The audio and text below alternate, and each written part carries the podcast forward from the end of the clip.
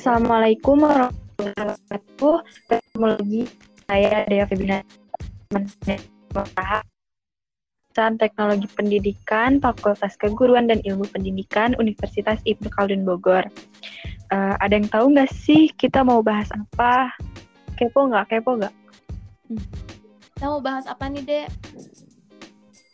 Kita mau bahas tentang domain penelitian teknologi pendidikan. Apa sih domain penelitian teknologi pendidikan itu? Nih ya, kalau tes ke domain pendidikan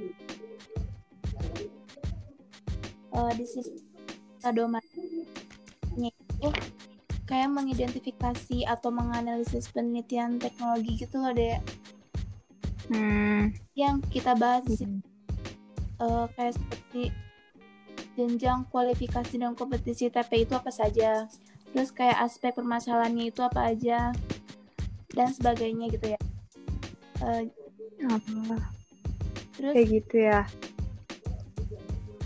Terus ada kenapa? Kenapa dek? Terus ada jenjang kualifikasi dan kompetensi teknologi pendidikan ya. Kan ada S1, S2, S3 tuh. Jelasin dong tentang jenjang kualifikasi dan kompetensi S1, S2, S3 itu apa? Uh, gini, jadi yang pertama S1 praktisi ya. Ya. Uh, pembuatan produk-produk pendidikan atau pembelajaran dalam rangka memecahkan masalah atau memudahkan belajar. Jadi produk-produk di sini itu seperti pembuatan media untuk pembelajaran. Habis itu memecahkan masalahnya agar belajar itu lebih mudah. Yang kedua, S2 teknologi. Pengem model prosedur pembelajaran dalam rangka memecahkan masalah atau memudahkan belajar. Jadi di S2 ini baru kita mengembangkan model-model apa saja sih dalam pembelajarannya itu kayak gitu deh hmm. ya terus terus yang S3 S3 ilmuwan. Pengembang prinsip dan atau atau teori pendidikan atau pembelajaran. Uh, setelah mengembangkan model-model pembelajaran tadi dua setelah itu tiga yaitu mengembangkan prinsip-prinsip dan pembelajaran itu. Kayak gitu loh deh ya uh, keren-keren juga ya uh, kompetensi S2 S3 S S1 S2 S3 teknologi pendidikan. Keren banget. Betul. nah terus di sini ada AECT standar ya teknologi pendidikan. Nah jelasin dong A AECT standar itu kayak gimana? Standar-standarnya teknologi pendidikan. Oh iya. Jadi yang pertama itu standar konten sih ya yang pertama itu mahasiswa mampu menunjukkan pengetahuan yang diperlukan untuk membuat, menggunakan, menilai, dan mengelola aplikasi teoritis dan praktis dari teknologi pendidikan dan proses. Nah, itu uh, ke standar konten pedagogi. Jadi mahasiswa hmm. Mengembangkan sebagai praktisi reflektif, mampu menunjukkan pelaksanaan teknologi itu di situ dan proses pendidikan yang efektif berdasarkan konten kontemporer dan pedagogi. Hmm. Ya, learning environment apa sih environment ya? Ya mahasiswa mampu memfasilitasi pembelajaran dengan menciptakan pengguna menggunakan mengevaluasi dan mengelola lingkungan belajar yang efektif. Uh, terus? Terus selanjutnya yang keempat nih, profesional village, and skill. Mahasiswa mampu, bentar, bentar deh. Ya mahasiswa mampu mendesain, mengembangkan dan mengevaluasi gitu. Selanjutnya ke standar 5, research. Mahasiswa mampu mengeksplorasi, mengevaluasi, menginsentensi, dan menerapkan metode metode penyelidikan. Kayak gitu loh, Dek. Jadi memang di pendidikan itu uh, mampu memfasilitasi pembelajaran anak-anak biar mudah kayak gitu kan ya? Ya betul gitu deh. Lanjut kali ya. Terus uh, uh, main iya kayak gitu. Halo, Dea. Ya. Uh, selanjutnya ada aspek permasalahan ya. Uh, aspek permasalahan teknologi pendidikan itu apa aja sih? Uh, jadi aspek permasalahan di sini tuh ada tiga. Uh, jadi yang pertama itu masalah yang diangkat dalam penelitian teknologi pendidikan adalah masalah belajar. Yang kedua, muara pemecahan masalah. Muara pemecahan masalah ke arah perbaikan pembelajaran. Dan yang ketiga itu identifikasi masalah didasarkan pada atas teori yang berasal dari sejumlah hipotesis yang telah di, yang telah teruji dan mengarah kepada pengembangan ilmu pengetahuan dan teknologi. Nah, ya, permasalahan tekpen itu. Selanjut, nih dek, sekarang sekarang aku yang nanya ya. Ya. Uh, menurut Dea bidang garapan penelitian teknologi pendidikan itu apa saja sih? Apa sih bidang garapan? Um, ya, bidang garapan penelitian teknologi pendidikan itu uh, memfasilitasi belajar anak-anak merubah merubah anak-anak gimana sih supaya supaya anak-anak tuh nggak bosan dalam belajar terus membuat pembuat pembuat apa sih pembuat pembuat pembelajaran yang bisa bisa memudahkan anak belajar, memanage pembelajaran, kayak gitu bidang garapan pendidikan kayak itu. Oh iya iya. Terus nah, ke mana? Ke variabel pembelajaran. Nah variabel pembelajaran itu kan ada tiga ya deh. Ya. Nah itu apa aja sih dek? tiga itu? Nah, um, taksonomi variabel pembelajaran itu ada kondisi, metode, dan hasil. Yang pertama itu ada kondisi. Nah, kon kondisi itu adalah karakteristik pelajaran, tujuan, hambatan, karakteristik karakteristik siswa itu kayak gimana kondisinya. Kita bisa ngelihat kondisi siswanya kayak gimana sih.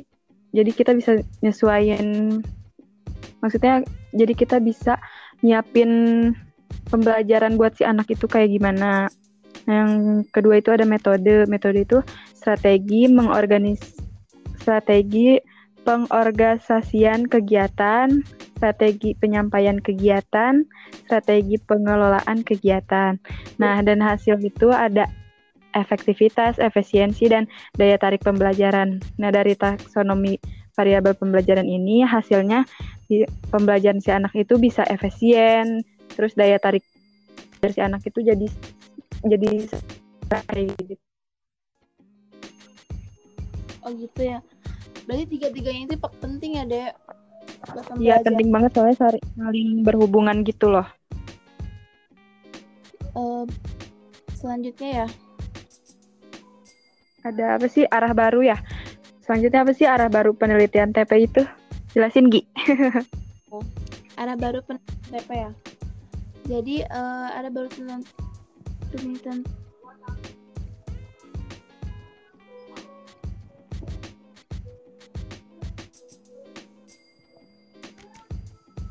Halo, Dea. Ya. Masih terhubung gak sih? Masih terhubung ya? Ya, masih. Apa sih penelitian TP itu? Ada, ada baru penelitian TP. Jadi, uh, yang pertama itu penggunaan lingkungan autentik uh, tidak sekadar mencari pembuktian efektif efek apa sih efektifan penggunaan media dalam pembelajaran.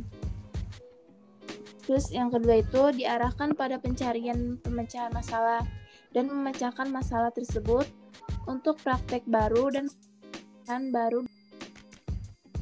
Nah, selanjutnya ada arah baru penelitian teknologi pendidikan. Apa aja sih arah baru penelitian tekpen itu? Uh, jadi arah baru teknologi pendidikan arah baru penelitian teknologi pendidikan. Yang pertama itu penggunaan lingkungan autentik E, jadi tidak sekedar mencari pembuktian keefektifan penggunaan media dalam pembelajaran. Nah, yang kedua diarahkan pada pencarian pemecahan masalah dan pemecahan masalah tersebut itu untuk praktek baru dan permasalahan baru dalam pembelajaran. Halo, Dek? Ya, masih terhubung.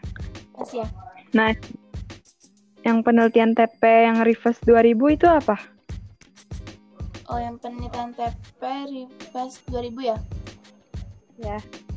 Ada sin yang, perta yang pertama itu sintesis hasil penelitian bidang teknologi pendidikan atau meta analisis memberikan informasi yang memadai kepada praktisi pembelajaran. Seperti yang pertama, meta analisis penelitian dalam bidang te bidang teknologi pembelajaran, meta analisis video pembelajaran dalam menghadapi tantangan pendidikan di era revolusi industri.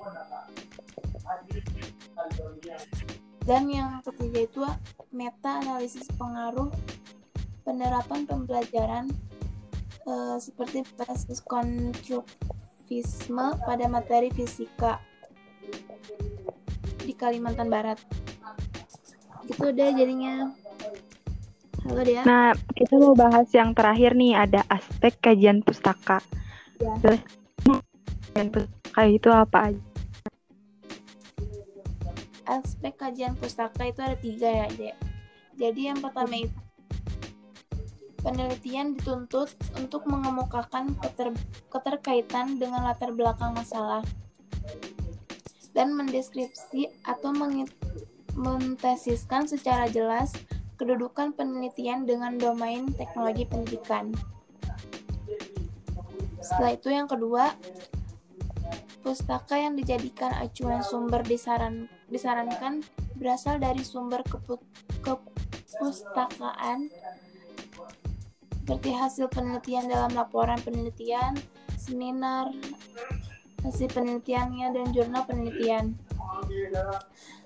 Terus yang ketiga, sumber kepustakaan sekunder dapat digunakan sebagai penunjang dengan mengutamakan kepustakaan yang diterbitkan oleh komunikasi TP seperti AICT dan seri pustaka teknologi. Nah, selanjutnya akan ada aspek kajian pustaka. Apa aja sih aspek-aspeknya? Aspek kajian pustaka. Uh, jadi yang pertama itu penelitian dituntut untuk mengemukakan keterkaitan dengan latar belakang masalah dan mendeskripsi atau mentesiskan secara jelas kedudukan penelitian dengan domain teknologi pendidikan. Nah, yang kedua itu uh, pustaka yang dijadikan acuan sumber disarankan berasal dari sumber kepustakaan seperti hasil penelitian, laporan penelitian, seminar hasil penelitian, dan jurnal penelitian. Nah, yang terakhir itu sumber kepustakaan sekunder dapat digunakan sebagai penunjang dengan mengutamakan kepustakaan yang diterbitkan oleh komunitas teknologi pendidikan. Jadi kayak seperti IECT dan seri pustaka teknologi pendidikan. Nah, seperti itu deh aspek kajian. Oh iya, kayaknya Oh ya kayaknya udah cukup ya materi kita hari ini. Ya semoga yang mm, semoga pembahasan kita kali ini bisa menambah wawasan dan bermanfaat bagi pendengar ya dek. Amin Nah, sekian ya teman-teman dari kami. Wassalamualaikum warahmatullahi wabarakatuh.